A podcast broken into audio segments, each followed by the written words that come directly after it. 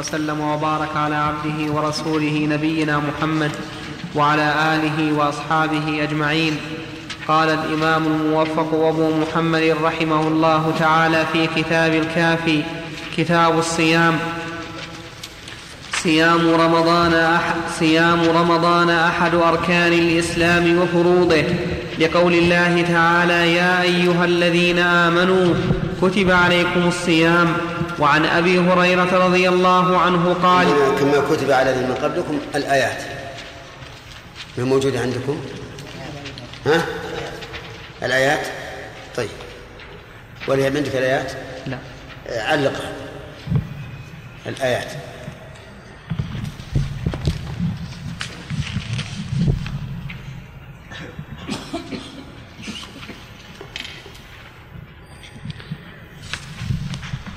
وعن أبي هريرة رضي الله عنه قال بينا رسول الله صلى الله عليه وسلم يوما بارزا للناس إذ أتاه رجل فقال يا رسول الله ما الإسلام؟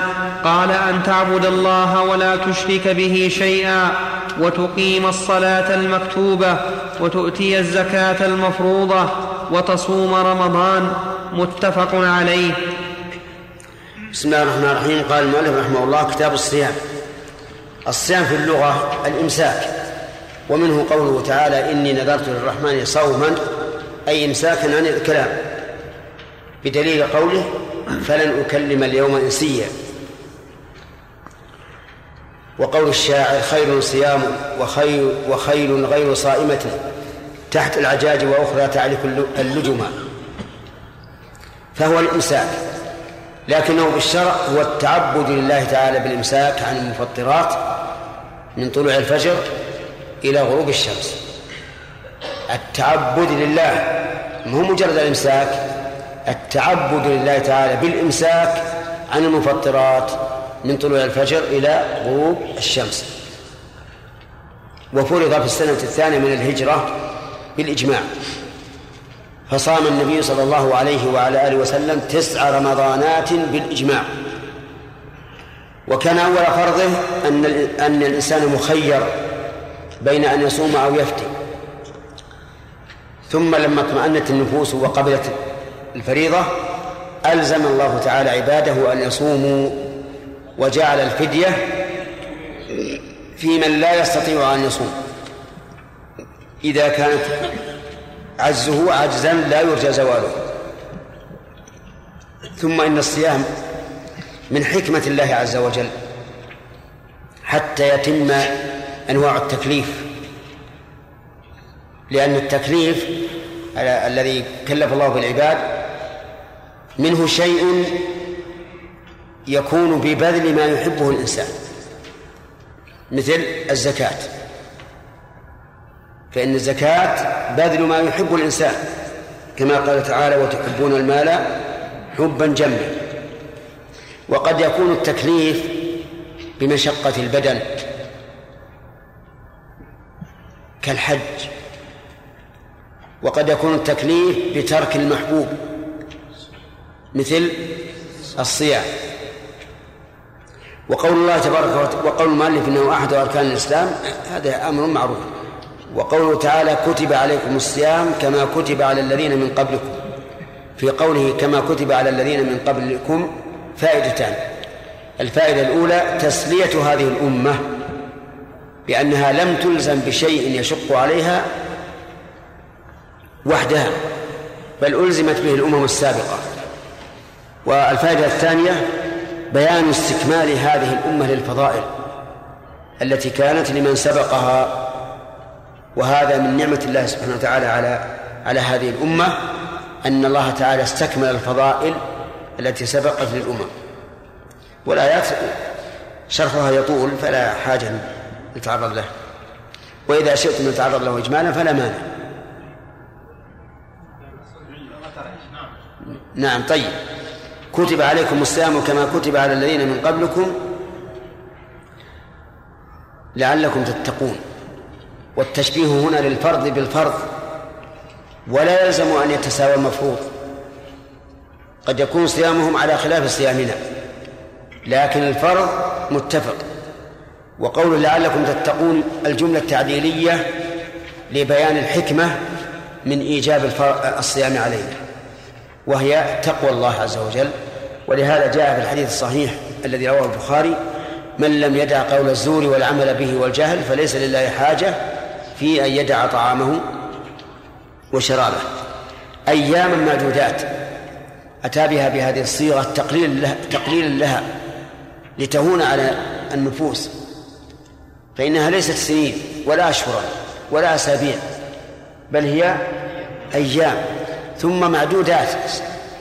يدركها العد ويحصيها العاد فمن كان منكم مريضا أو على سفر فعدة من أيام أخر هذا تخفيف آخر.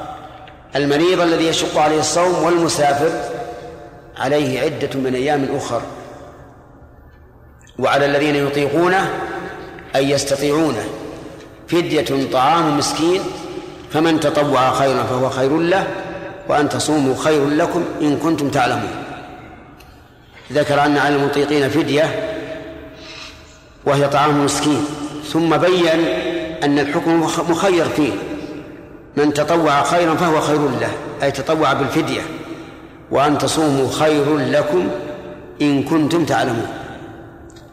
وأن تصوموا خير لكم من إيش؟ من الفدية. وهنا يحسن الوقوف. أن تصوموا خير لكم. ويحسن الوقوف أيضا في كل موضع كان شبه هذا الموضع وقول إن كنتم تعلمون أي إن كنتم من ذوي العلم. فافهموا هذا واعلموه. وإنما قلنا يحسن الوقوف لأنك لو وصلت وقلت وأن تصوموا خير لكم إن كنتم تعلمون صارت الخيرية مشروطة بعلمنا وليس الأمر كذلك. ثم بين الله عز وجل هذه الأيام المعدودات بأنها شهر. فقال شهر رمضان الذي أنزل فيه القرآن. وسمي رمضان لأنه لأن تسميته كانت في وقت الحر الشديد والرمضاء فوضعه العرب بمناسبة زمنه وسموه شهر رمضان. الذي أنزل فيه القرآن هدى للناس وبينات من الهدى والفرقان. وكأن وكأن هذا والله أعلم بيان للحكمة من تخصيص الصوم بشهر رمضان. أنه الشهر الذي أنزل الله فيه القرآن هدى للناس وبينات من الهدى والفرقان. هدى للناس عموما وهذا هداية الدلالة. وبينات علامات واضحات من الهدى أي من العلم والفرقان. التمييز بين كل ما يحتاج إلى التمييز بين الحق والباطل والمؤمن والكافر والبر والفاجر والهدى والضلال وغير ذلك. فمن شهد منكم الشهر فليصوم. من شهد الشهر فليصوم سواء شهده بنفسه في برية لا يقتضي مخالفة الجماعة أن يصوم فليصوم وإن لم يسمع خبره. و أو أو شهده حكما بأن كان في بلد فشهد بذلك شاهدان أو شاهد واحد وحكم القاضي بذلك فإنه يجب الصوم. ومن كان مريضا أو على سفر فعدة من أيام أخر. ولم يقل على الذين يطيقونه لأن هذه الآية ناسخة للآية الأولى. فأوجب الله الصيام عينا ثم رخص في الفطر لمن كان مريضا أو على سفر. وبين الله عز وجل أنه أراد بذلك التيسير على عباده. فقال يريد الله بكم اليسر ولا يريد بكم العسر. ولتكملوا العدة ولتكبروا الله على ما هداكم ولعلكم تشكرون. هذه خلاصة يسيرة من الكلام على هذه الآيات العظيمة. نعم. ولا يجب إلا بشروط أربعة.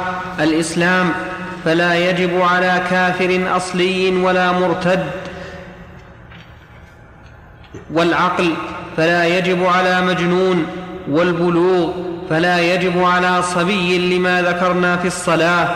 وقال بعض أصحابنا يجب على من أطاقه لما روى عبد الرحمن بن أبي. لسه ليلى. لا عندنا لا لا مسينها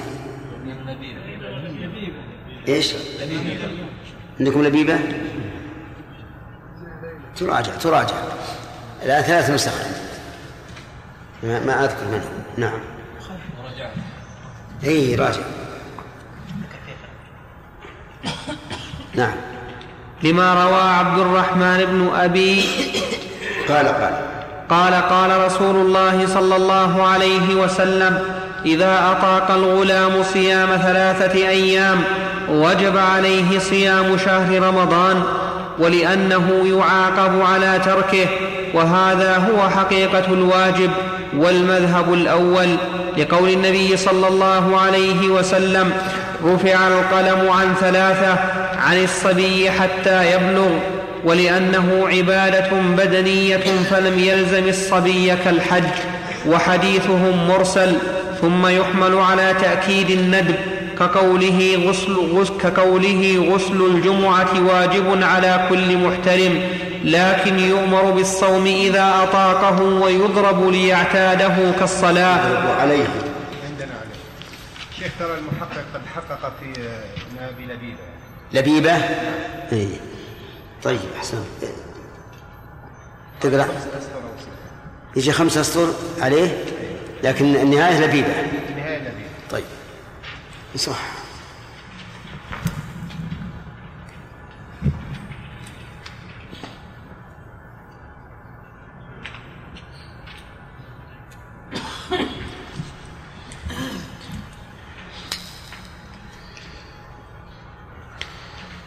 الأحاديث؟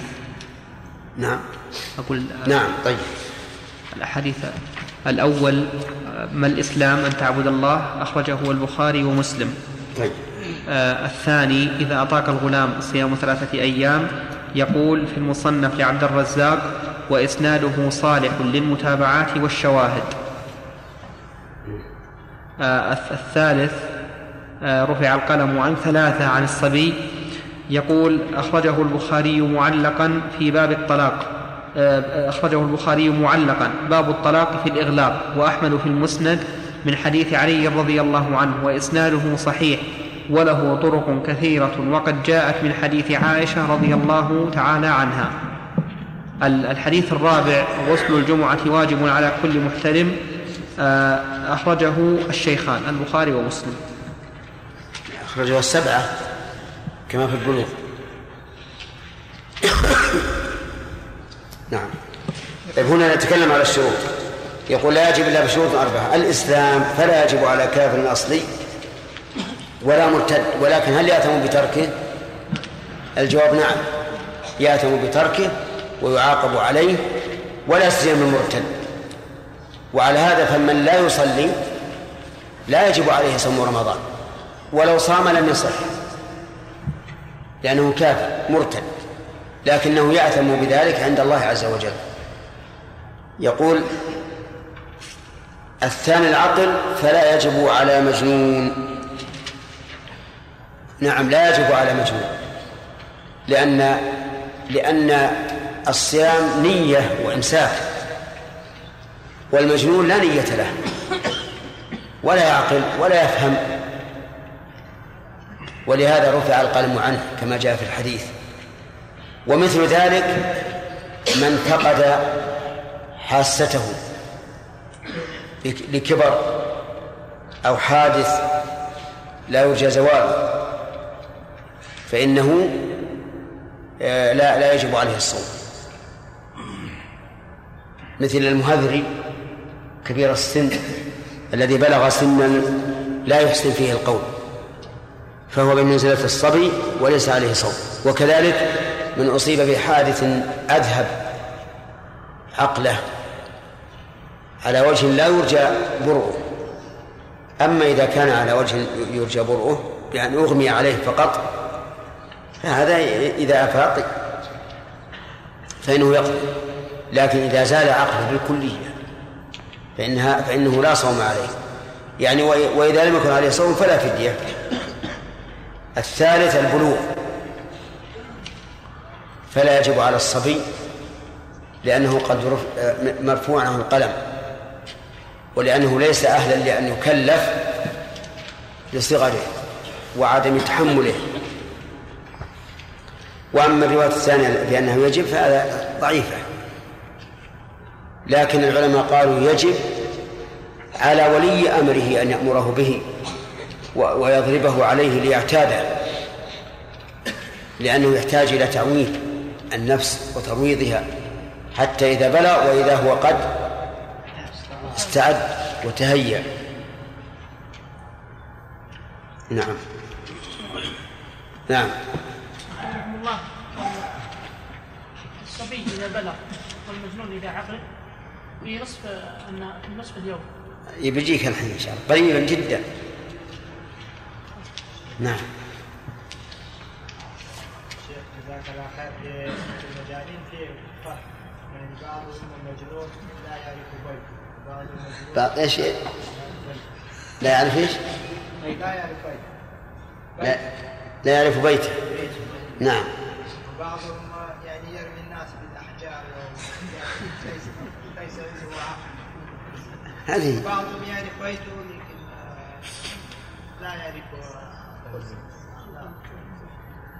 على كل حال جنون معروف لكن كما تفضلت أنواع. بعض يكون معه عدوان على الغير برمي الحجارة وتكسير الزجاجات وغير ذلك وبعض دون هذا. وبعض يكون إنسان يعني أبله ما على على اي ما عليه أبله ما ادري ما ادري وش الدنيا. يعني أبله هو الذي يعرف بيت ويعرف ويعرف كل شيء. إذا لا يعرف هذا خير ولا هذا شر. اي ما يعرف والله هذا يحتمل أن يكون من جنس الصبي الذي دون التمييز. الصبي الذي دون الذي دون التمييز يعرف أمه وأباه وأقاربه ويعرف بيته. أليس كذلك؟ ومع ذلك لا ليس عليه شيء. نعم؟ اي نعم يوجد. نعم. ها انتهى الوقت؟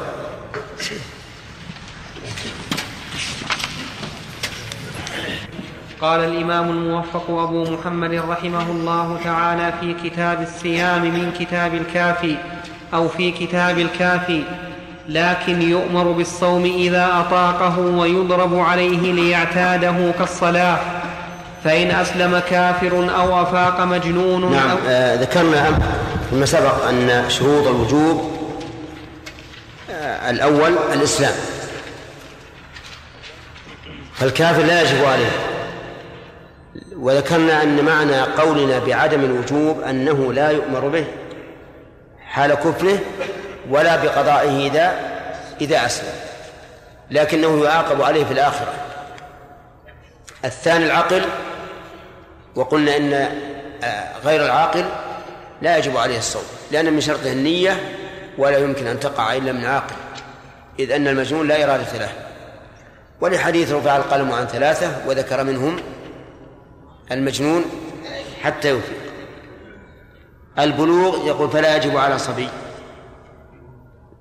وسبق لنا أنه لا يجب عليه لكن يجب على وليه أن يأمره به من أجل أن يعتاده ويألفه حتى إذا بلغ صار مستعدا للقيام به. نعم.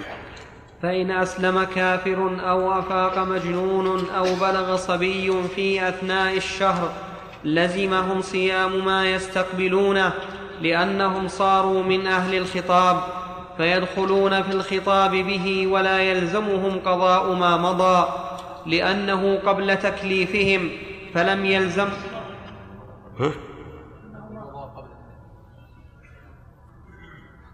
لأنه مضى مضى قبل تكليفه أضيفه حتى نسخة.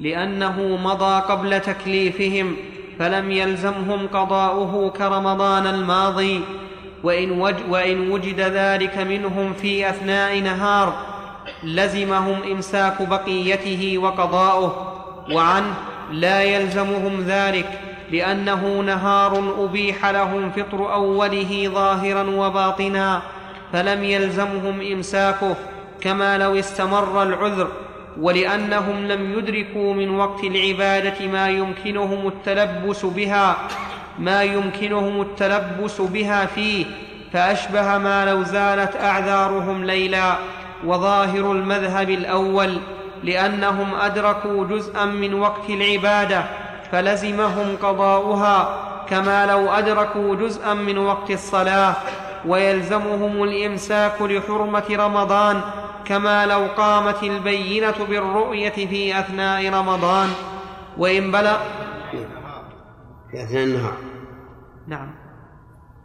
كما لو قامت البينة بالرؤية في أثناء النهار وإن بلغ الصبي وهو صائم لزمه إتمام صومه رواية واحدة لأنه صار من أهل الوجوب فلزمه الإتمام كما لو شرع في صيام تطوع ثم نذر إتمامه.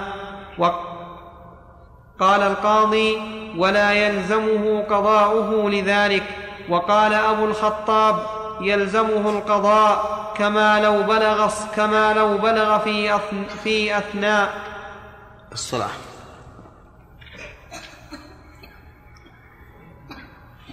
وقال أبو الخطاب يلزمه القضاء كما لو بلغ في أثناء الصلاة. بسم الله الرحمن الرحيم. هؤلاء الثلاثة آه، حدث سبب الوجوب في حقهم. الصبي بلغ والثاني الكافر أسلم والثالث المجنون أفاق. يعني أنه حدث سبب الوجوب في حقه. هؤلاء ما مضى لا يقضونه لأنهم ليسوا أهلا للوجوب. وما يستقبل يقضونه. لأنهم صاروا أهل نعم وما, وما يستقبل يصومونه لأنهم صاروا أهلا للوجوب.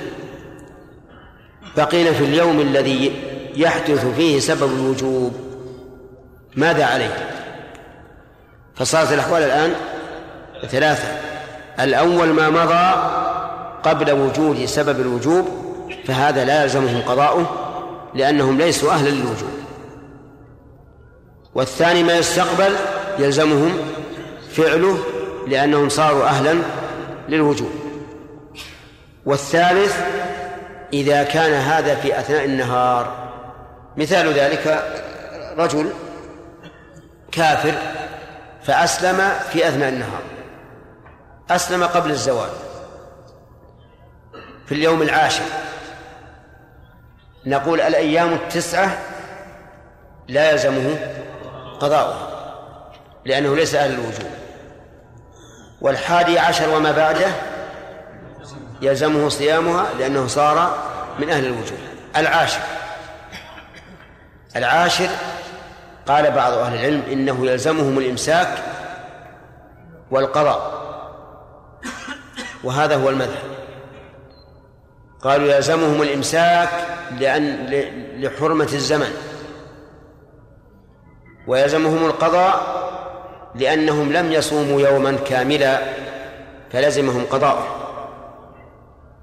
وقيل إنه لا يلزمهم الإمساك ولا القضاء. لأنهم صاموا لأنهم ليسوا من أهل الوجوب في أول النهار والصوم من طلوع الفجر إلى إلى غروب الشمس.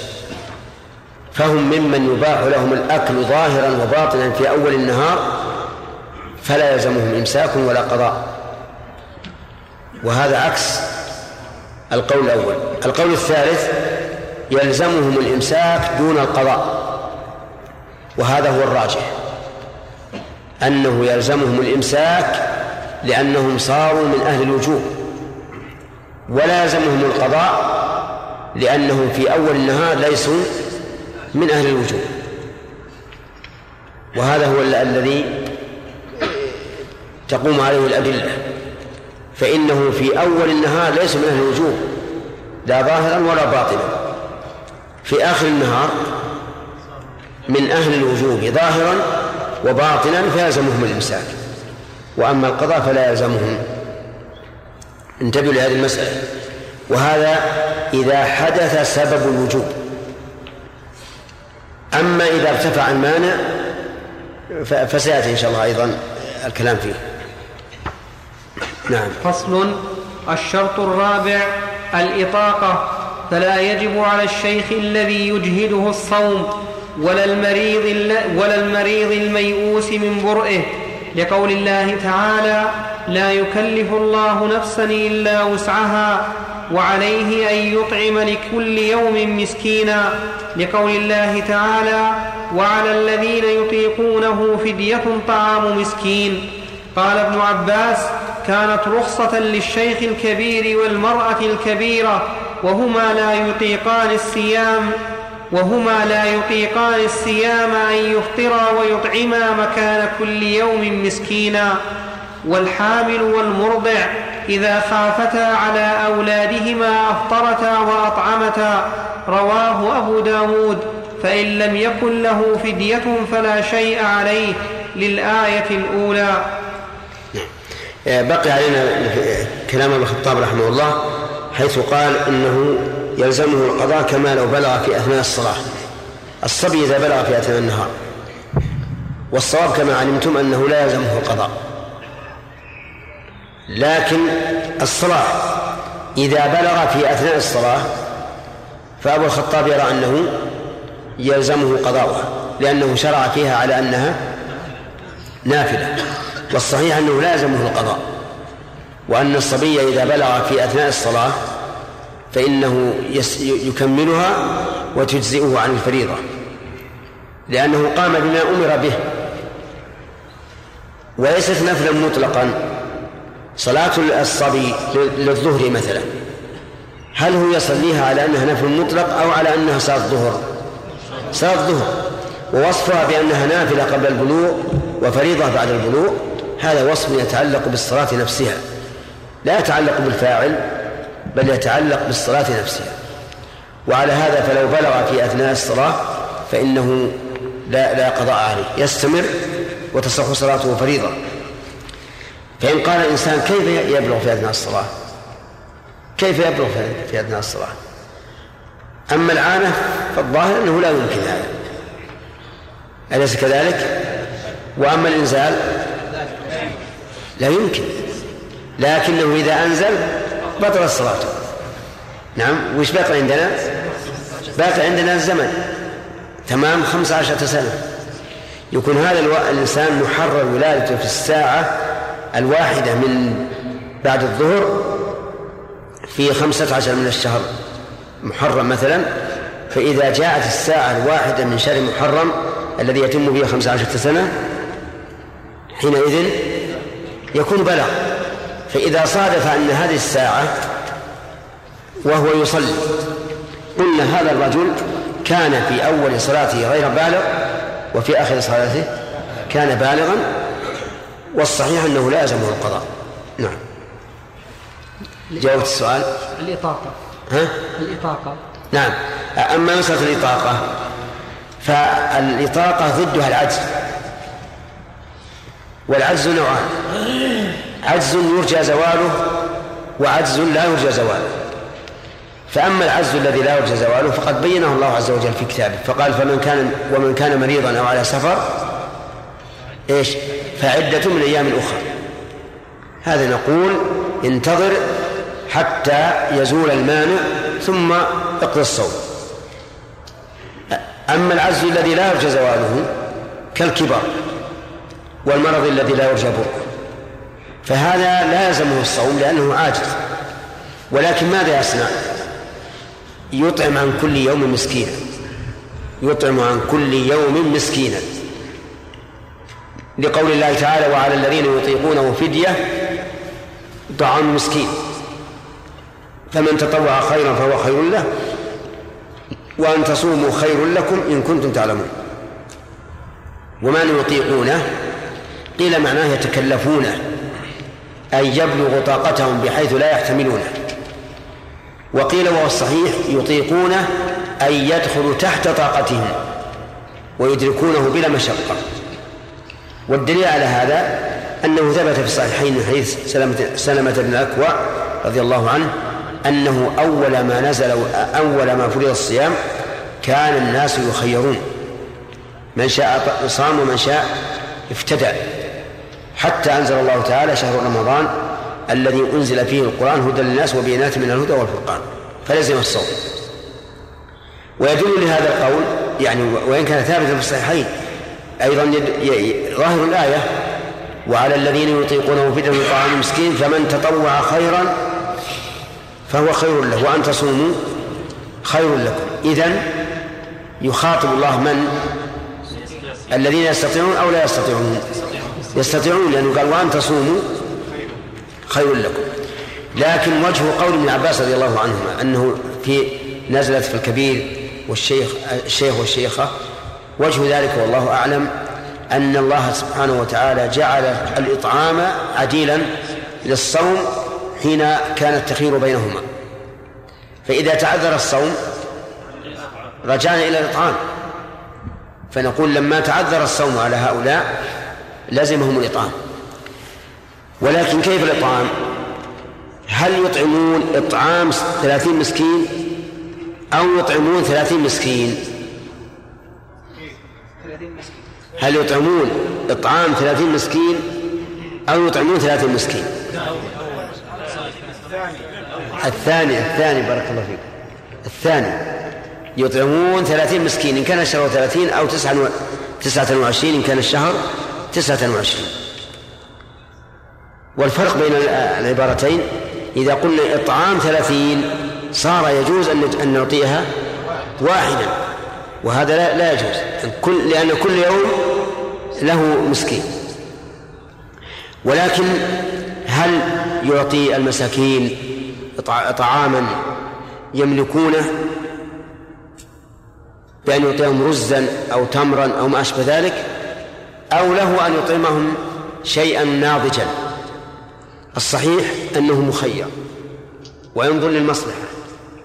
إذا كان المصلحة أن يعطي هؤلاء الفقراء الطعام هم يطبخون ويتولونه فهو أفضل وإذا كان المصلحة بالعكس فهو أفضل وهذا يختلف باختلاف الأحوال واختلاف الأزمان. قد يأتي زمان على الناس لا يستطيع الفقير أن أن يطبخ الطعام فيكون هنا الأولى أن أي أن يعطاه ناضجا. فيدعى مثلا ثلاثون مسكين مسكينا ويطعمون إما غداء وإما عشاء. وكان أنس بن مالك رضي الله عنه حين كبر كان يدعو ثلاثين فقيرا يطعمهم أدما وخبزا. وهذا القول هو الصحيح أنه يجوز أن يطعمهم ناضجا أو نيئا. ولكن الأفضل أن ينظر لمصلحة الفقير. نعم. شيخ بارك الله فيك. قلنا إن تارك الصلاة كافر إيش؟ قلنا إن تارك الصلاه كافر نعم. من كان يعني مع تركه الصلاة كان أيضا لا يصوم. نعم. ثم ت... هل نقول له أن يقضي لا لا يقضي الصيام. لا يقضي لأنه كافر. حتى على قول الصحيح لو كان يصلي مسلم ولكن ترك الصوم عمدا فإنه لا يقضي. لأن القاعدة أن كل عبادة مؤقتة إذا أخر الإنسان إذا أخرها الإنسان عن وقتها بدون عذر شرعي فإنها لا تقبل منه. من عمل عملا ليس عليه أمرنا فهو رد. نعم. يقول نهار أبيح لهم الفطر أوله. ظاهر وباطن. ما معنى ظاهر وباطن؟ نعم. ظاهر وباطنا يعني أنه ليس الأصل أنه يجب عليه الصوم. بخلاف من الأصل أن يجب عليه الصوم فهذا يباح له ظاهرا. وسيأتينا إن شاء الله هذا في وجود الموانع. نعم. ثلاثة؟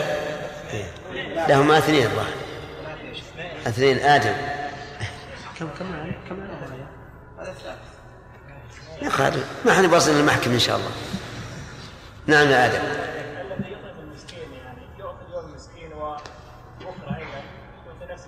لا لا. لا يكرره عليه. هذا هو هذا هو معنى قولنا قبل قليل. هل هو إطعام ثلاثين؟ نعم. أو نعم. هل يطعم ثلاثين أو أو يفرق إطعام ثلاثين؟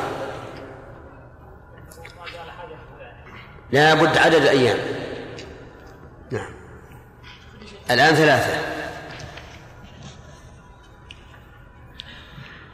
فصل. ومن لزمه الصوم لم يبح له تأخيره إلا أربعة. أحدهما الحامل والمرضع إذا خافتا على ولديهما فلهما الفطر وعليهما القضاء. وإطعام مسكين لكل يوم لما ذكرنا من الآية. وإن أفطرتا خوفا على أنفسهما فعليهما القضاء حسب كالمريض. الثاني الحائض والنفساء لهما الفطر ولا يصح منهما الصيام. لما ذكرنا في باب الحيض والنف... لما ذكرنا في باب الحيض والنف... والنفاس كالحيض فنقيسه عليه. ومتى وجد ذلك في جزء من اليوم أفسده. وإن انقطع دمها ليلا فنوت الصوم ثم اغتسلت من النهار صح صومها لأن النبي صلى الله عليه وسلم كان يصبح جنبا من جماع ثم يغتسل ويتم متفق عليه وهذه في معناه. يتم صومه. ويتم. يتم فقط؟ إيه، الحق صومه.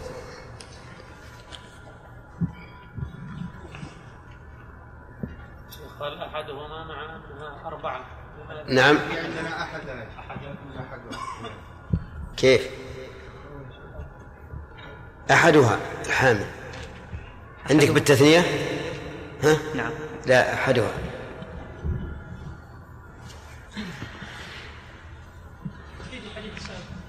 نعم. الحديث السابق قال فيه أخرجه أبو داود.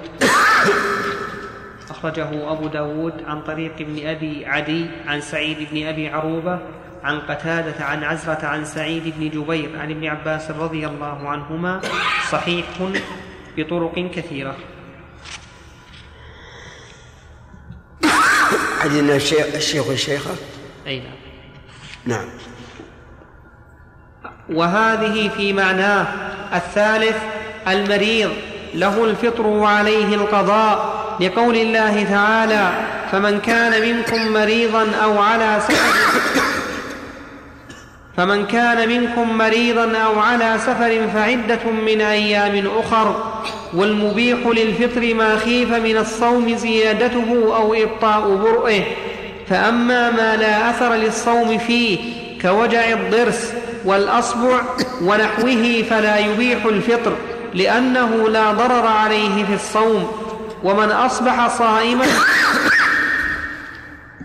ومن أصبح صائما فمرض في النهار فله الفطر لأن الضرر موجود والصحيح إذا خاف على نفسه لشدة عطش أو جوع أو شبق يخاف أن تنش...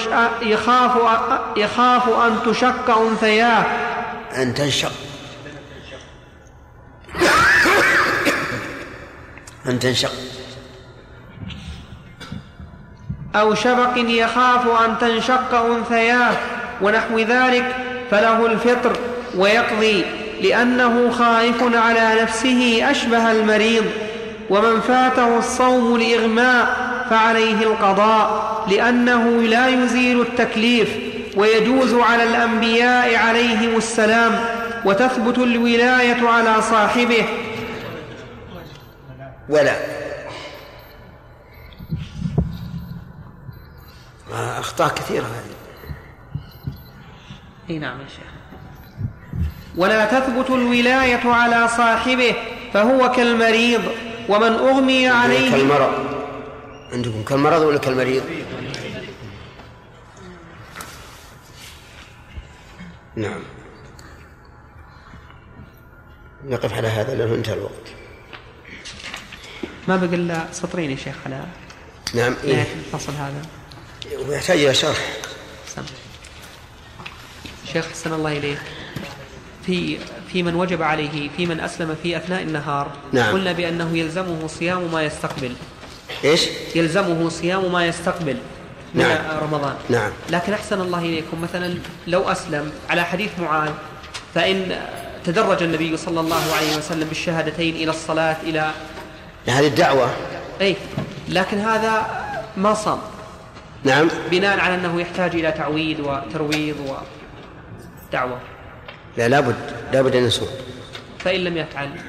يقضي. يقضي؟ اللي ما يفعل يقضي نعم. وإن كان متعمد؟ ما أدري. يعني إذا كان متعمد لأن هذا مو مثل المسلم الذي التزم بالصوم. هذه ما ما التزم أصلا. أحسن الله إليك. الله الرحمن الرحيم. الحمد لله رب العالمين وصلى الله وسلم وبارك على عبده ورسوله نبينا محمد وعلى آله وأصحابه أجمعين. قال الإمام الموفق أبو محمد رحمه الله تعالى في كتاب الصيام في كتاب الكافي ومن أغمي عليه جميع النهار لم يصح صومه لأن الصوم الإمساك ولا ينسب ذلك إليه. وإن أفاق في جزء من النهار صح صومه لوجود الإمساك فيه وإن نام جميع النهار صح صومه لأن النائم في حكم المنتبه لكونه ينتبه لكونه, ين لكونه ينتبه إذا نبه ويجد الألم في حال نومه.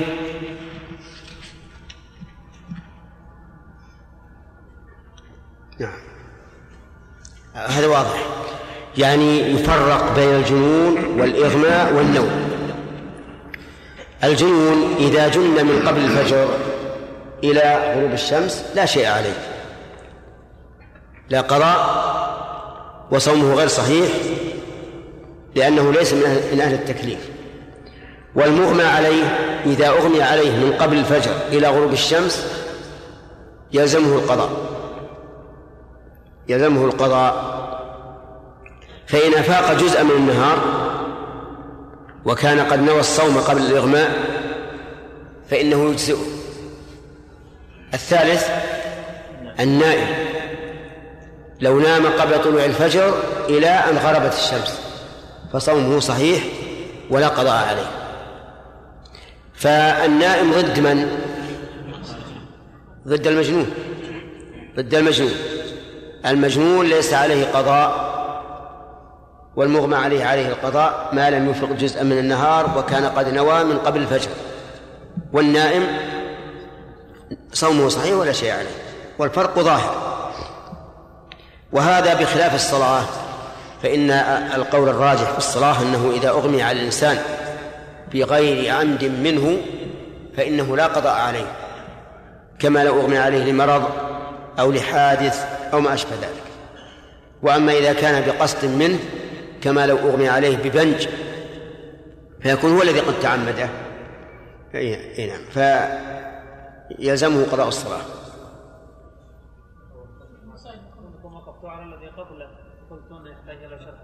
ال أي.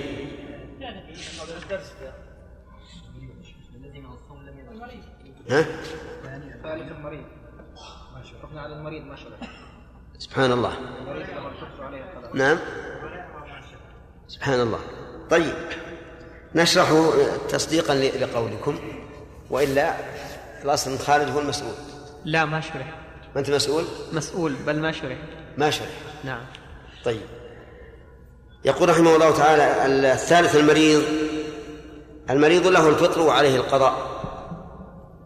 وقوله له الفطر اللام هنا للإباحة في مقابلة المنع أي المنع من الفطر. فلا يمتنع أن نقول إن الفطر في حقه سنة بل إنه قد يجب الفطر. وذلك أن المريض إن تضرر بالصوم لزمه الفطر وإن شق عليه بلا ضرر سن له الفطر. وإن كان لا يشق عليه ولا يتضرر به فليس له الفطر. وإن كان بعض العلماء قال إن له الفطر لعموم قوله ومن كان مريضا أو على سفر فكل ما يسمى مرضا فإنه يبيح الفطر سواء شق عليه أم لم يشق. لكن الاحتياط أن يقال لا يفطر المريض إلا إذا كان عليه مشقة. فقوله رحمه الله له الفطر في مقابل نعم في مقابل المنع في مقابل المنع. يقول عليه القضاء لقوله تعالى فمن كان منكم مريضا أو على سفر فعدة من أيام أخر والمبيح للفطر ما خيف من الصوم ما خيف من الصوم زيادته أو إبطاء البر. هذا هو المبيح. إذا خيف زيادة المرض أو إبطاء البر أو المشقة. بحيث يتعب المريض إذا صام فكل هذا يبيح له الفطر وأما ما ما لا أثر للصوم فيه كوجع الضرس والإصبع ونحوه فلا فإنه لا يبيح الفطر. ما لم ما لم يكن هناك أشياء تترتب على هذا. أما مجرد وجع الضرس فإنه لا يستفيد منه الإنسان إذا أفطر. لكن لو قيل له قال له الطبيب إنك إذا أفطرت وأكلت الغذاء فإن هذا يهون عليك المرض مرض السن أو الضرس. قلنا لا بأس لا حرج لأن لأنه لأنه أحيانا يكون نقص الغذاء سببا لطول المرض والتألم. طيب وجع العين؟ نعم مثله. إذا كان يؤثر آه، عليها الصوم فإنه يفطر. وإذا كان لا يؤثر فإنه لا يفطر. طيب. ومن أصبح صائما. نعم. هذا اللي عندكم. ومن أصبح ومن أصبح صائما. إيش بعده؟ فمرض فمرض في أثناء النهار فله الفطر لأن الضرر لأن الضرر موجود. يعني معناه إذا حدث إذا حدث ما يمنع الوجوب. فهل له الفطر؟ نقول نعم. إذا حدث المرض في أثناء النهار وصار يشق عليه أو يخاف منه الضرر فله أن يفطر لأن الضرر موجود. والصحيح إذا خاف على نفسه من شدة العطش أو أو جوع أو شبق يخاف تشقق أنثييه أو نحو ذلك فله الفطر. لأن هذا بمنزلة المرض. إذا خاف العطش لكن ليس المراد مجرد العطش بل العطش الذي يخاف منه الهلاك أو يخاف منه الضرر. فمثلا يوجد بعض الناس المصابين بالسكر يحتاجون إلى الماء كثيرا. فإذا كان هو ليس مريضا يعني ظاهره أنه يروح ويأتي ويأكل ويشرب نقول إذا إذا قال الأطباء إن فقد الماء يؤثر عليك وإنه يخشى عليك فله أن أن يفطر. وكذلك الجوع. يوجد بعض الناس ما يتحمل لا سيما في أيام الصيف وطول النهار لا يتحمل أن يبقى من طلوع الفجر إلى غروب الشمس ويخشى على نفسه الضرر نقول أفطر الأمر واسع الحمد لله. الشبق إذا كان يخشى أن تتشقق أنثياه من الشبق فإنه له الفطر.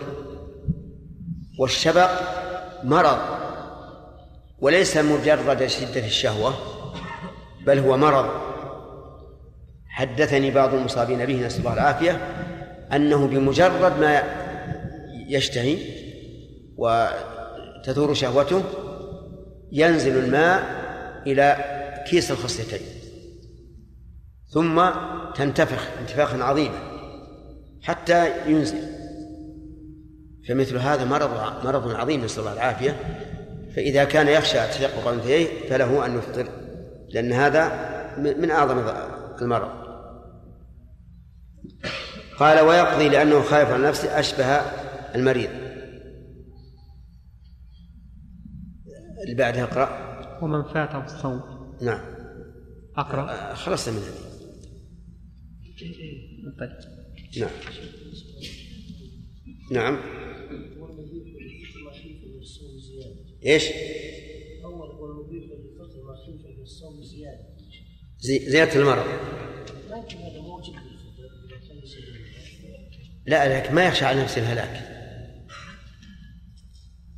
الرابع السفر السفر الطويل المباح يبيح الفطر للآية ولا يباح الفطر لغيره لما ذكرنا في القصر ولا يفطر حتى يترك البيوت وراء ظهره لما ذكرنا في القصر وللمسافر أن يصوم ويفطر لما روى حمزة بن عمرو الأسلمي أنه قال للنبي صلى الله عليه وسلم أصوم في السفر قال إن شئت فصم وإن شئت فأفطر متفق عليه. والفطر أفضل لقول النبي صلى الله عليه وسلم ليس من البر الصوم في السفر متفق عليه. ولأنه السفر الطويل المباح. أما السفر القصير الذي لا يبلغ المسافة أو لا يعد سفرا عند الناس فهذا لا يبيح الفطر. لقول الله تعالى أو على سفر. واشترط المؤلف أن يكون مباحا.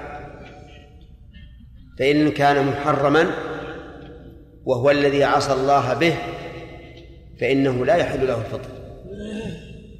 مثل أن يكون هذا الرجل قد سافر لفعل الفاحشة أو شرب الخمر أو قتال المسلمين أو ما أشبه ذلك فهذا سفره محرم. وأما العاصي في سفره فهذا له الفطر. والفرق بينهما أن الأول لم يحمله على السفر إلا المعصية. أما الثاني فله غرض آخر لكن عصى في سفره. ونظير هذا وإن كان ليس من بحثنا إذا استأجر منك إنسان بيتا يريد أن يضع فيه مسرحا لله. فتأجيره حرام. ولو استأجره منك ليسكنه ثم جعل منه مسرحا له فتأجيره ليس بحرام. والفرق أنه في الأول استأجره لفعل المحرم والثاني استأجره لشيء مباح لكنه فعل فيه المحرم. اشترط المؤلف الشرط أن يكون طويلا وأن يكون مباحا. والدليل قوله تعالى فمن كان منكم مريضا أو على سفر فعدة من أيام أخرى. وقال المؤلف للمسافر أن يصوم ويفطر والفطر أفضل. ثم استدل لذلك بقول النبي صلى الله عليه وسلم ليس من الفطر ليس من البر الصوم في السفر. وفيما ذهب إليه المؤلف نظر والصواب أن المسافر له أن يصوم ويفطر.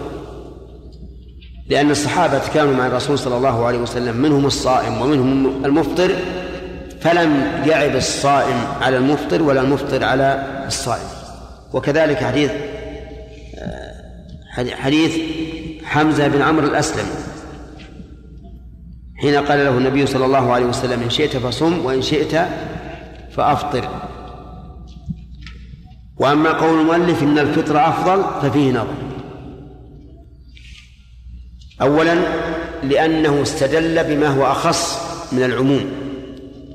فإن قول الرسول صلى الله عليه وسلم ليس من البر الصيام في السفر إنما قاله في حالة معينة.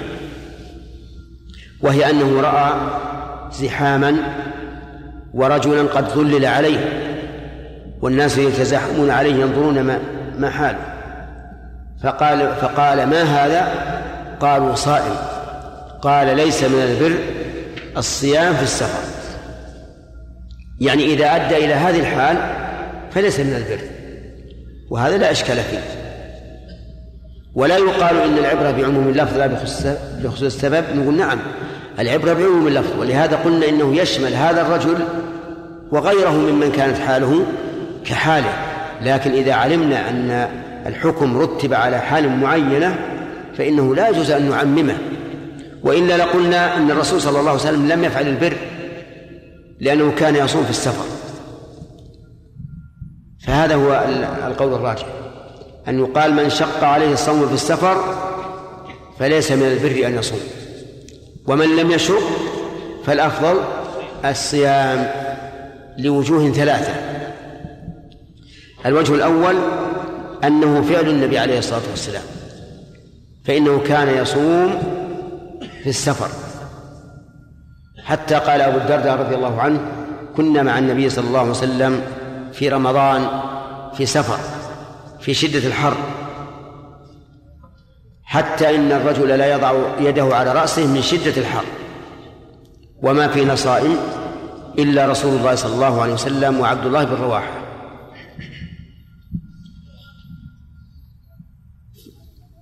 و وعلى هذا نقول إن الصوم في السفر أفضل لأنه سنة الرسول عليه الصلاة والسلام ولأنه كان يصوم فجيء إليه بعد صلاة العصر وقيل يا رسول الله إن الناس يعني قد شق عليهم الصيام وإنهم ينتظرون ما تفعل فدعا بماء بعد العصر.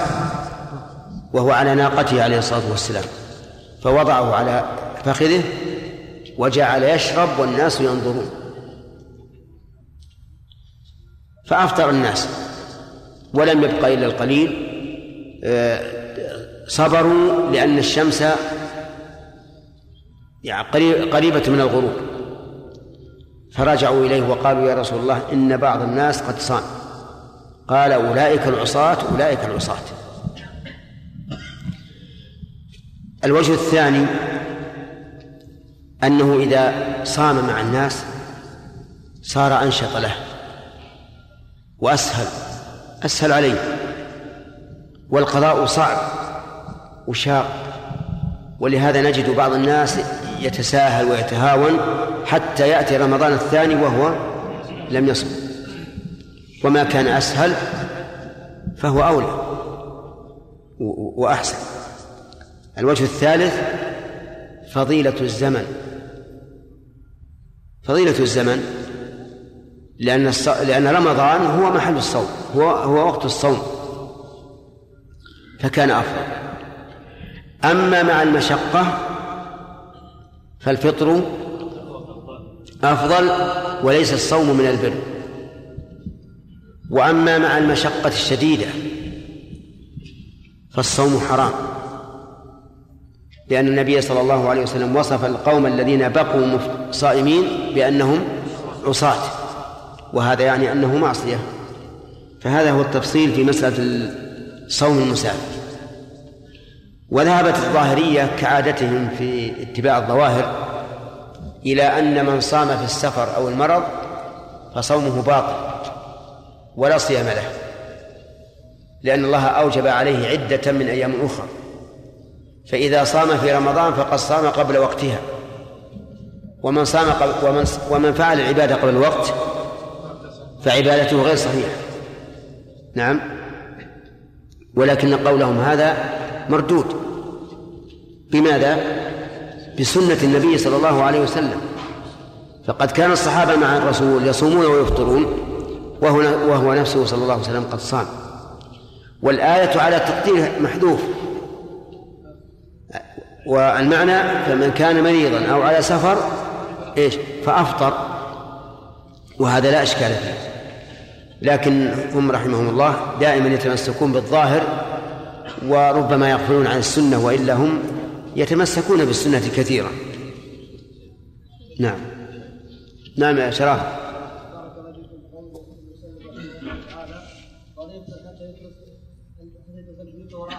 نعم ثبت عن بعض الصحابه انه كان يفطر قبل ان قبل ان يفطر نعم نعم. هذا ثبت عن أنس رضي الله عنه أنه كان إذا أراد السفر دعا بسفرته وأكل ثم ركب. لكن لا تطيب النفس بهذا لأن قوله على سفر تفيد العلو وأنه كما يقال على الظهر يعني أنه شارع في السفر. فالقول الراجح قول الجمهور أنه لا يجوز أن يفطر حتى يخلف البيوت القرية خلف ظهره. إي نعم أنا أنكر عليه. لكن من اجتهد وأداه اجتهاده إلى هذا فله اجتهاد وحسابه على الله. نعم. الله قال المؤلف الله الذي يصيبه الشبع يفطر ويقضي نعم. كيف يقضي وهو يعني يقضي إنهان. إن هان عليه فإن استمر معه صار كالكبير الذي يشق عليه الصوم. نعم الثالث. هل المراد بالمشقة في السفر؟ هي أي مشقة أو المشقة التي حصلت بسبب السفر؟ لعل حصلت بسبب السفر. وأما مشقة الصوم فهو حاصل في حتى في البلد. لكن هل يجوز للمسافر أن يأكل ويشرب أمام الناس؟ كان على سفر. نقول إذا كان عليه علامة السفر فلا بأس. وإذا لم يكن عليه علامة السفر فالأولى أن يأكل مختفيا لئلا يعرض نفسه للغيبة من وجه أو يغتر به الصبيان والصغار ويظنون أن الصوم ليس بفريضة. نعم. ها؟ أي نعم. ما قرأنا يا شيخ إلا شوي. اي ما يضر. أنتم تقولون إن الانتفاع أه- أهم. يعني عليك بالكيف لا بالكم. ودنا بهم كله يا شيخ. أي نوع؟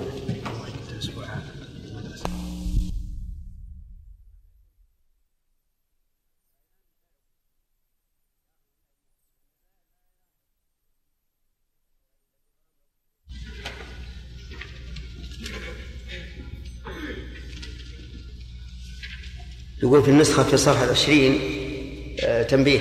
في النسخة في صفحة عشرين السطر الرابع من الأسفل ومن الأعراب من يؤمن بالله واليوم الآخر ويتخذ ما ينفق قربات عند الله وصلوات الرسول. والأصل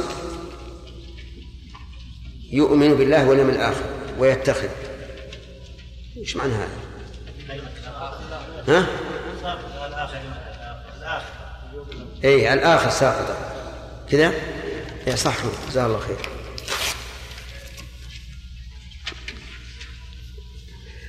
بسم بالله بسم الله الرحمن الرحيم. الحمد لله رب العالمين وصلى الله وسلم وبارك على عبده ورسوله نبينا محمد وعلى آله وصحبه أجمعين.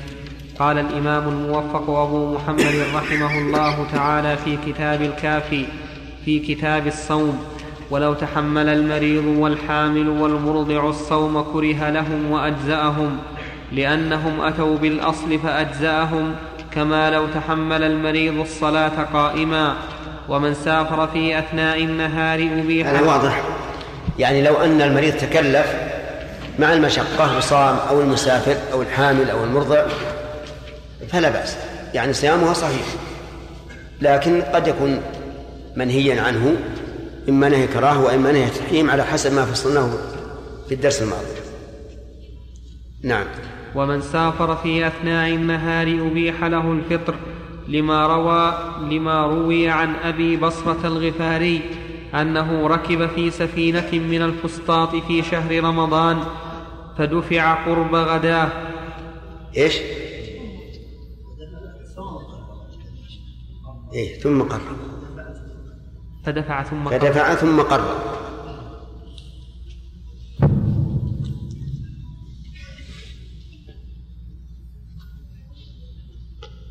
فدفع ثم قرب غداه فلم يجاوز البيوت حتى دعا بالسفرة. ثم قال اقترب. قيل. ثم قال اقترب. قيل ألست ترى البيوت؟ قال أترغب عن سنة رسول الله صلى الله عليه وسلم. فأكل. رواه أبو داود وإسناده صحيح مع الشواهد. ولأنه أدرجت. آه، هذا يا شيخ إدراج ما يعلم جائز.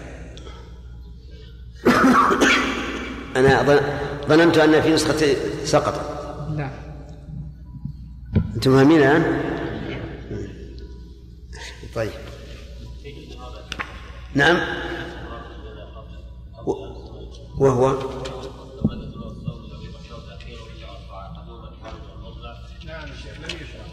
لا شرحناها يا أخي. لم يشرح المرضع والحامل إي نعم.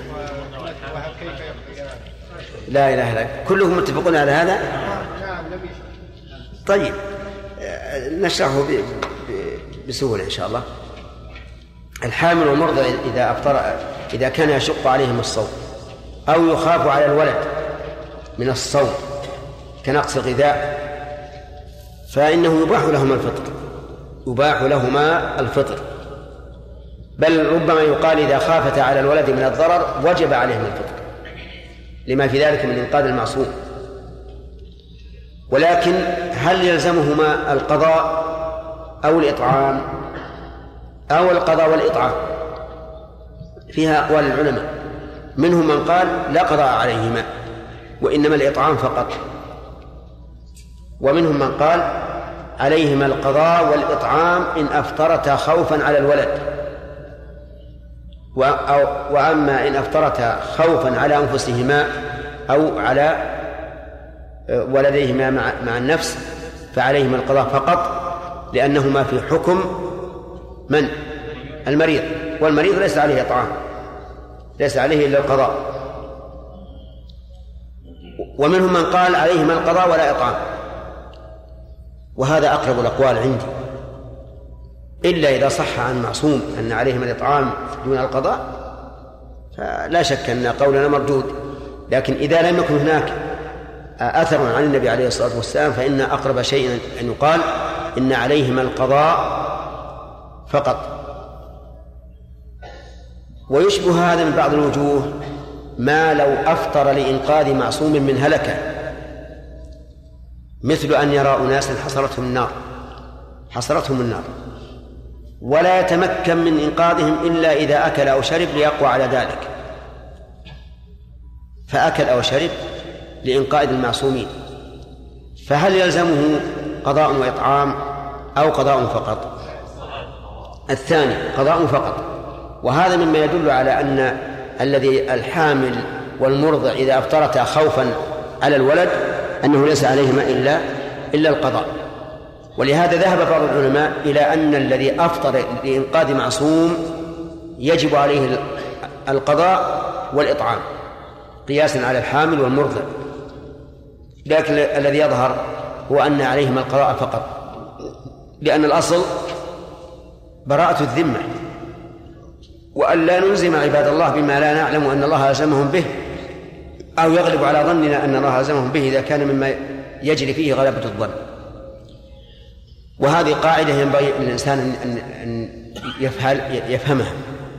أنك لا تلزم عباد الله إلا شيئا تعلم أو يغلب على ظنك إن كان مما يجري فيه غلبة الظن أن الله ألزمهم به وإلا فأنت في حل أنت في حل انتهى الكلام على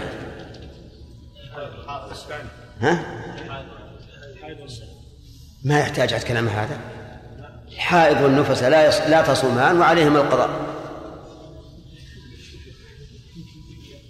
نعم.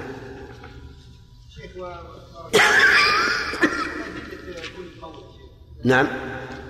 ما تبين لي الأدلة واضحة. ما هي واضحة؟ بعضها فيها إجمال وبعضها فيها نظر في صحتها.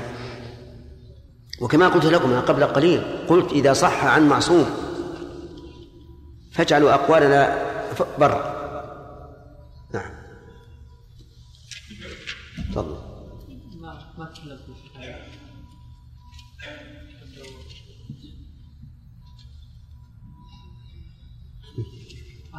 اي أقرأ.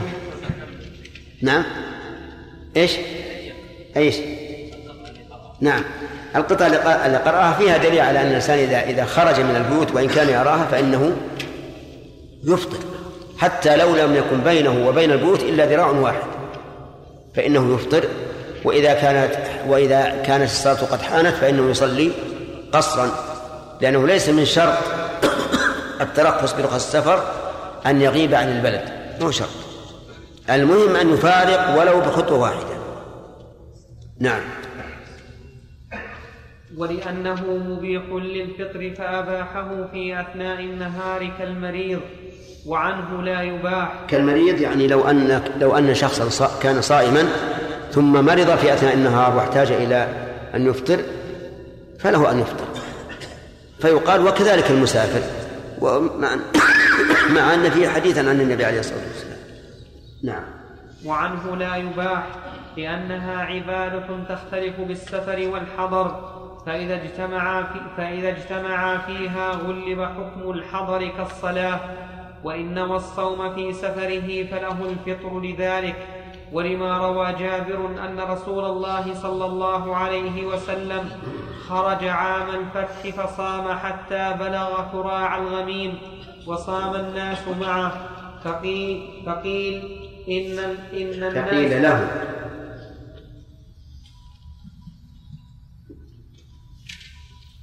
فقيل له إن الناس قد شق عليهم الصيام وإن الناس ينظرون فيما فعلت.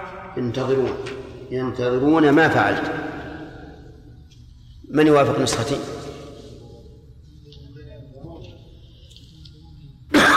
ينظرون فيما فعلت؟ اجعلوها نسخة. ينتظرون. نعم. وتراجع مسلم أنت. نعم. وإن يعني لنحفظ ينتظرون ما تفعل. نعم. وإن الناس ينظرون فيما فعلت فدعا بقدح من ماء فشرب والناس ينظرون. بعد العصر. من ماء بعد العصر. ها؟ نعم. دعا من ماء بماء بعد العصر. فدعا بقدح من ماء بعد العصر فشرب والناس ينظرون فأفطر بعضهم وصام بعضهم فبلغه إن. فبلغه أن الناس أن الناس صاموا. أن أناس. ها؟ أي بلغوا فبلغ. أن أناسا الناس لا الناس ما ما يستقيم. مو كلهم صاموا وفي في بعض الروايات أن بعض الناس قد صام. أي ما لا بأس.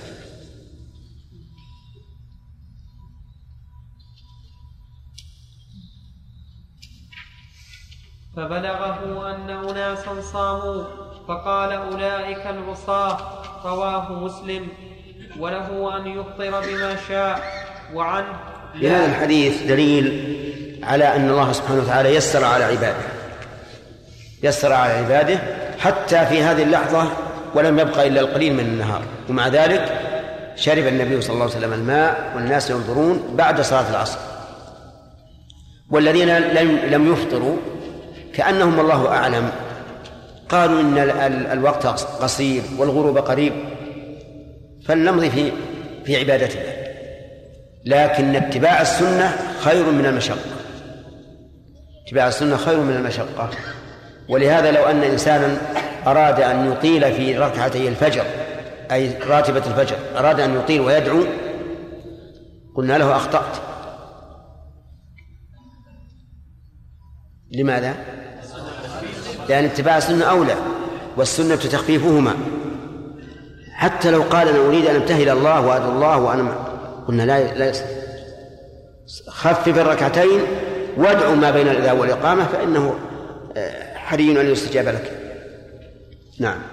وله أن يفطر بما شاء وعنه لا يفطر بالجماع فإن أفطر به ففي الكفارة روايتان. أصحهما لا تجب لأنه صوم لا يجب المضي فيه. فأشبه التطوع. فأشبه التطوع.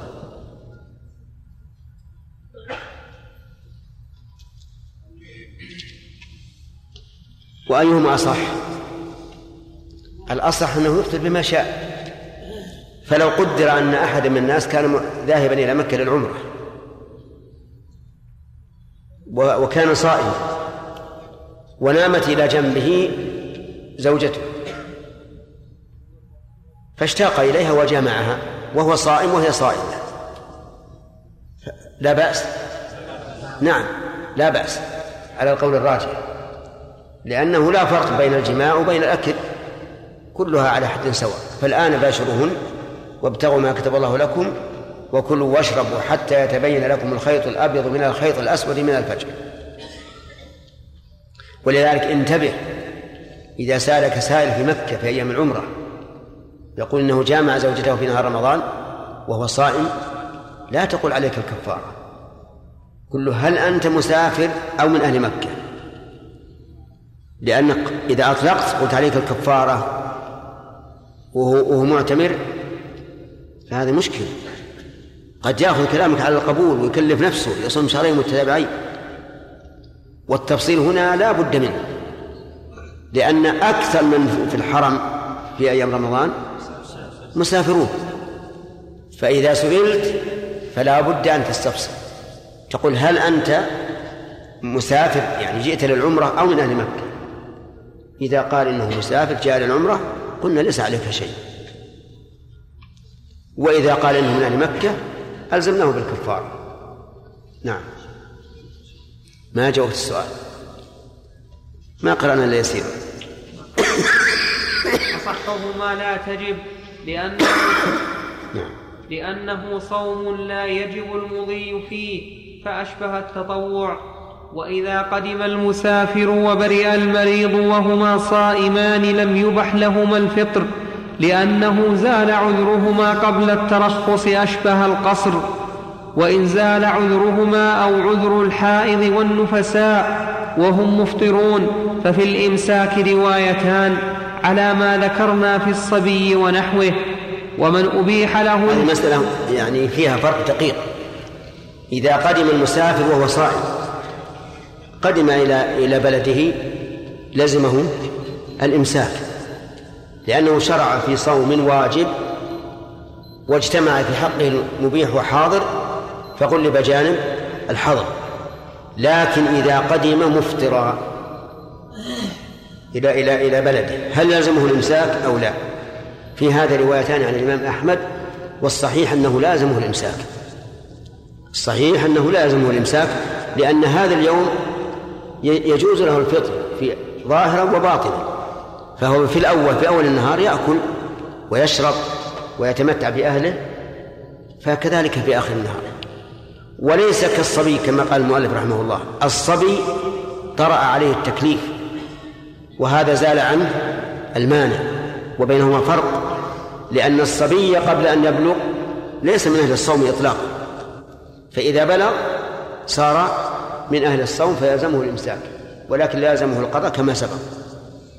أما المسافر إذا قدم مفطرا فإنه لا يلزمه الإمساك. حتى لو أمسك ماذا يستفيد؟ ماذا يستفيد؟ نعم إلا الجوع والعطش. لكن إذا قال قائل يستفيد القيام بالواجب إذا قلنا بوجوب الإمساك قلنا من يقول بوجوب الإمساك؟ ما في دليل. ولهذا قال ابن مسعود رضي الله عنه من أكل أول النهار فليأكل آخر النهار. هكذا ذكره في المغني عنه. يعني من جاز له الأكل في أول النهار جاز له الأكل في آخر النهار. وهذا هو القياس. طيب. لو قدم المسافر مفطرا ووجد امرأته قد طهرت من الحيض في ذلك اليوم. هل لزمها الإمساك الحائض؟ لا لأنه لزوال المانع ليس ليس لحدوث الوجوب. وعلى هذا فإذا قدم وهو مفطر وزوجته قد طهرت من الحيض في ذلك اليوم جاز له أن يجامعها في البلد بلده ويمكن أن يلغز بها. نعم. فيقال رجل مكلف بالغ عاقل جامع زوجته في نهار رمضان في منتصف النهار بعد الظهر. وقلنا له بارك الله لكما في جماعكما. نعم. كيف يمكن هذا؟ نقول هذه تنطبق على هذه الصورة التي ذكرناها. إذا قدم مفطرا والزوجة قد طهرت من الحيض في أثناء النهار فله أن يجامعها لعدم وجوب الإمساك. وقوله إنه يجب الإمساك لاحترام الزمن. نقول هذا الزمن غير محترم في حق المسافر بدليل أنه في أوله ياكل ويشرب وكذلك الحائل. الزمن غير محترم في حقها. لأن هذا اليوم ما يتبعض. ما يمكن يكون أوله غير محترم وآخره محترم. هو يوم واحد. نعم. ومن أب... نعم نعم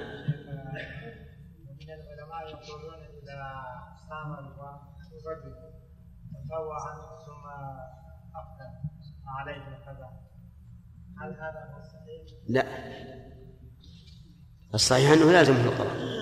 ما فيه نفل إذا أفسدته يلزمك قضاؤه إلا الحج والعمرة فقط. وهم يقولون هذا لا لا ما هو ما نذر وسيأتينا إن شاء الله. مر علينا أول في في البلوغ المرام أن الرسول دخل على أهله. فقالت إنه أهدي إليه حيث قال أري أرينيه فلقد أصبحت صائما. فأكل. لكن المعارضين يقولون صائما أي صائما عن الطعام مو صيام شرعي. فيقال الأصل أن ما نطق به الرسول عليه الصلاة والسلام فهو حقيقة شرعية هذا الأصل. نعم رجل فارق البنيان سافر نوى السفر فارق البنيان فافطر ثم طلع عليه خالد رجع رجع إلى بلده يعني نفى السفر أي نعم. ما تقول في هذه المسألة؟ يقول الرجل خرج إلى إلى المطار. يعني واقعية دي تقع كثيرا خرج إلى المطار وأفطر على أنه سيسافر. لكن الرحلة الطائرة ما حضرت أو أنها قامت قبل وقتها المقرر وفاتته الرحلة وهو الآن مفطر. فرجع إلى البلد. هل يلزمه الإمساك أو لا؟ ينبني على القولين. إن قلنا بأن المسافر إذا قدم مفطرا يلزمه الإمساك لزم هذا من باب أولى. وإذا قلنا لا وهو الراجح فإنه لا يلزم نعم. نعم. لا مثل المسافر. هؤلاء ثلاثة المريض إذا برئ والمسافر إذا قدم والمرأة إذا إذا طهر ثلاثة ثلاثة. بقى سطرين يا شيخ. ها؟ سطرين بقى بس لك سطرين. على الفصل. طيب. ومن أبيح له الفطر لم يكن له أن يصوم غير رمضان فإن نوى ذلك لم يصح لأنه لم ينو رمضان ولا يصلح الزمان لسواه. نعم. هذا صحيح. يعني لو أن إنسان أبيح له الفطر لكونه مسافرا فجاء الرابع عشر والخ... والثالث عشر والرابع عشر والخامس عشر من رمضان وقال سأصوم البيض. لأن صوم البيض سنة. أليس كذلك؟ طيب هو قال سأصوم البيض وأنا يباح لي الفطر نقول لا يصح. لأن هذا الزمن إنما هو لرمضان. نظيره لو تضايق وقت المكتوبة فهل للإنسان أن يصلي نافلة؟ لا لأن الوقت تعين للمكتوب. هذا رمضان أيضا تعين لصوم الفرض. فإذا صام فيه تطوعا ولو كان ممن يباح له الفطر فإنه لا يصح تطوعه. نسمح للعوض؟ نعم. القول الثالث في مسألة صاحب الشفق الشبق يعني عرفنا أنه يجوز له إذا خاف على أنثيين من التشقق أنه يفطر. نعم. فسؤالي لو أفطر بأي شيء يندفع الشفق؟ هل يندفع بمجرد الإفطار أو لا يا أخي لا لا لا. يجامع زوجته إن كان له زوجة وليست صائمة أو يستمني.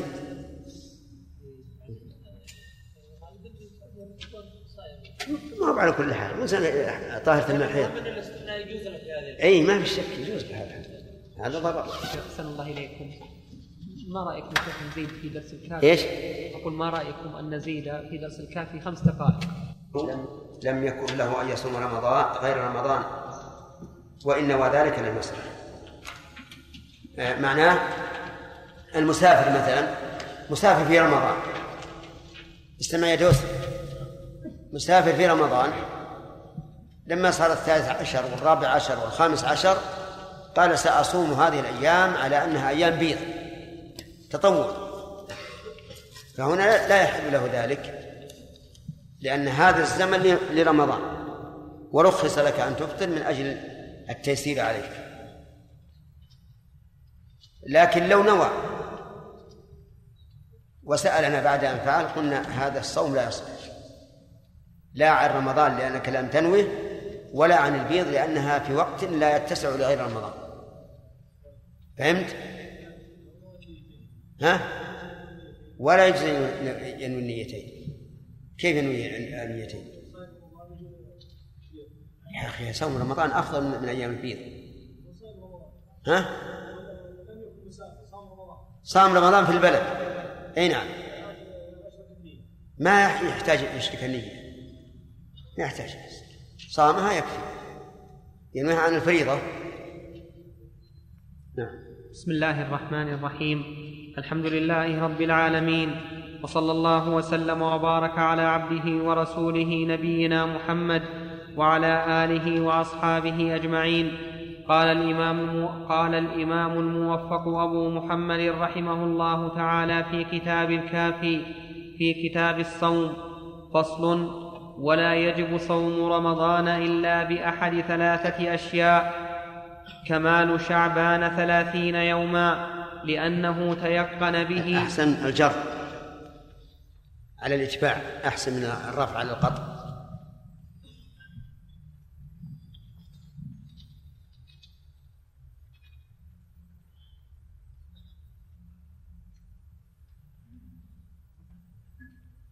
استمع وش تعني؟ ها؟ ما ها؟ ما. يعني مثلا إلا بأحد ثلاث أشياء كمال رمضان أحسن من كمال كمال هذا على القطع وكمال على البدنية وهي أحسن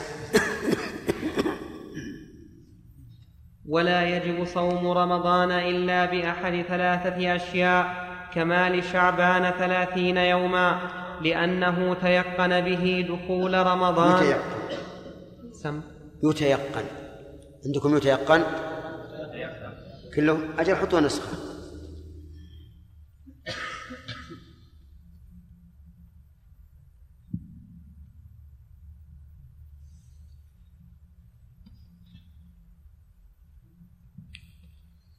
لأنه تيقن به دخول رمضان.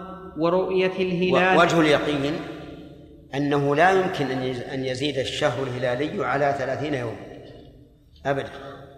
فإذا أكملنا الشهر شعبان ثلاثين يوما بحيث يكون ثبت دخوله بشاهدين عدلين فإنه آه، يجب صوم رمضان. لأن الشهر الهلالي لا يمكن أن يزيد على ثلاثين يوما نعم. ورؤية إيش ما تكون العبارة أحسن لأنه تيقن به دخول رمضان لأن الفاعل ليس مذكور مستمر. ورؤ- ورؤية الهلال لقول النبي صلى الله عليه وسلم صوموا لرؤيته وافطروا لرؤيته متفق عليه. هذا الثاني رؤية الهلال. إذا رؤي الهلال ولو كان شهر شعبان تسعة وعشرين يوما. طيب، ولو قدر أن شعبان ثمان ثمانية وعشرون يوما. ها؟ ما يمكن. يصام يقول الصوم لرؤيته ويتبين بذلك خطأ الرؤية في في أول شعبان. نعم. لقول النبي صلى الله عليه وسلم صوموا لرؤيته وأفطروا لرؤيته متفق عليه ويقبل فيه شهادة الواحد وعنه لا يقبل فيه إلا شهادة اثنين لما روى عبد الرحمن بن زيد بن الخطاب عن أصحاب رسول الله صلى الله عليه وسلم أنه قال عن النبي عن عن النبي صلى الله عليه وسلم أو عن رسول الله. لما روى أصحاب رسول الله نعم. عن رسول الله. يبقى عندكم؟ عن, نعم عن أصحاب رسول الله عن رسول الله. نعم عن رسول الله صلى الله عليه وسلم. لما روى عبد الرحمن بن زيد بن الخطاب عن أصحاب رسول الله عن رسول الله صلى الله عليه وسلم أنه قال صوموا لرؤيته وأفطروا لرؤيته وانسكوا فإن غم عليكم فأتموا ثلاثين فإن شهد شاهدان فصوموا وأفطروا. شاهدان ذوى عدل.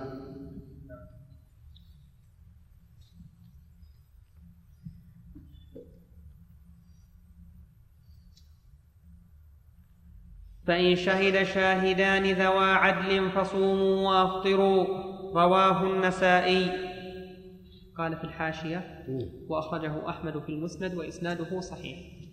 أحسنت أخرجه أحمد في المسند وإسناده صحيح.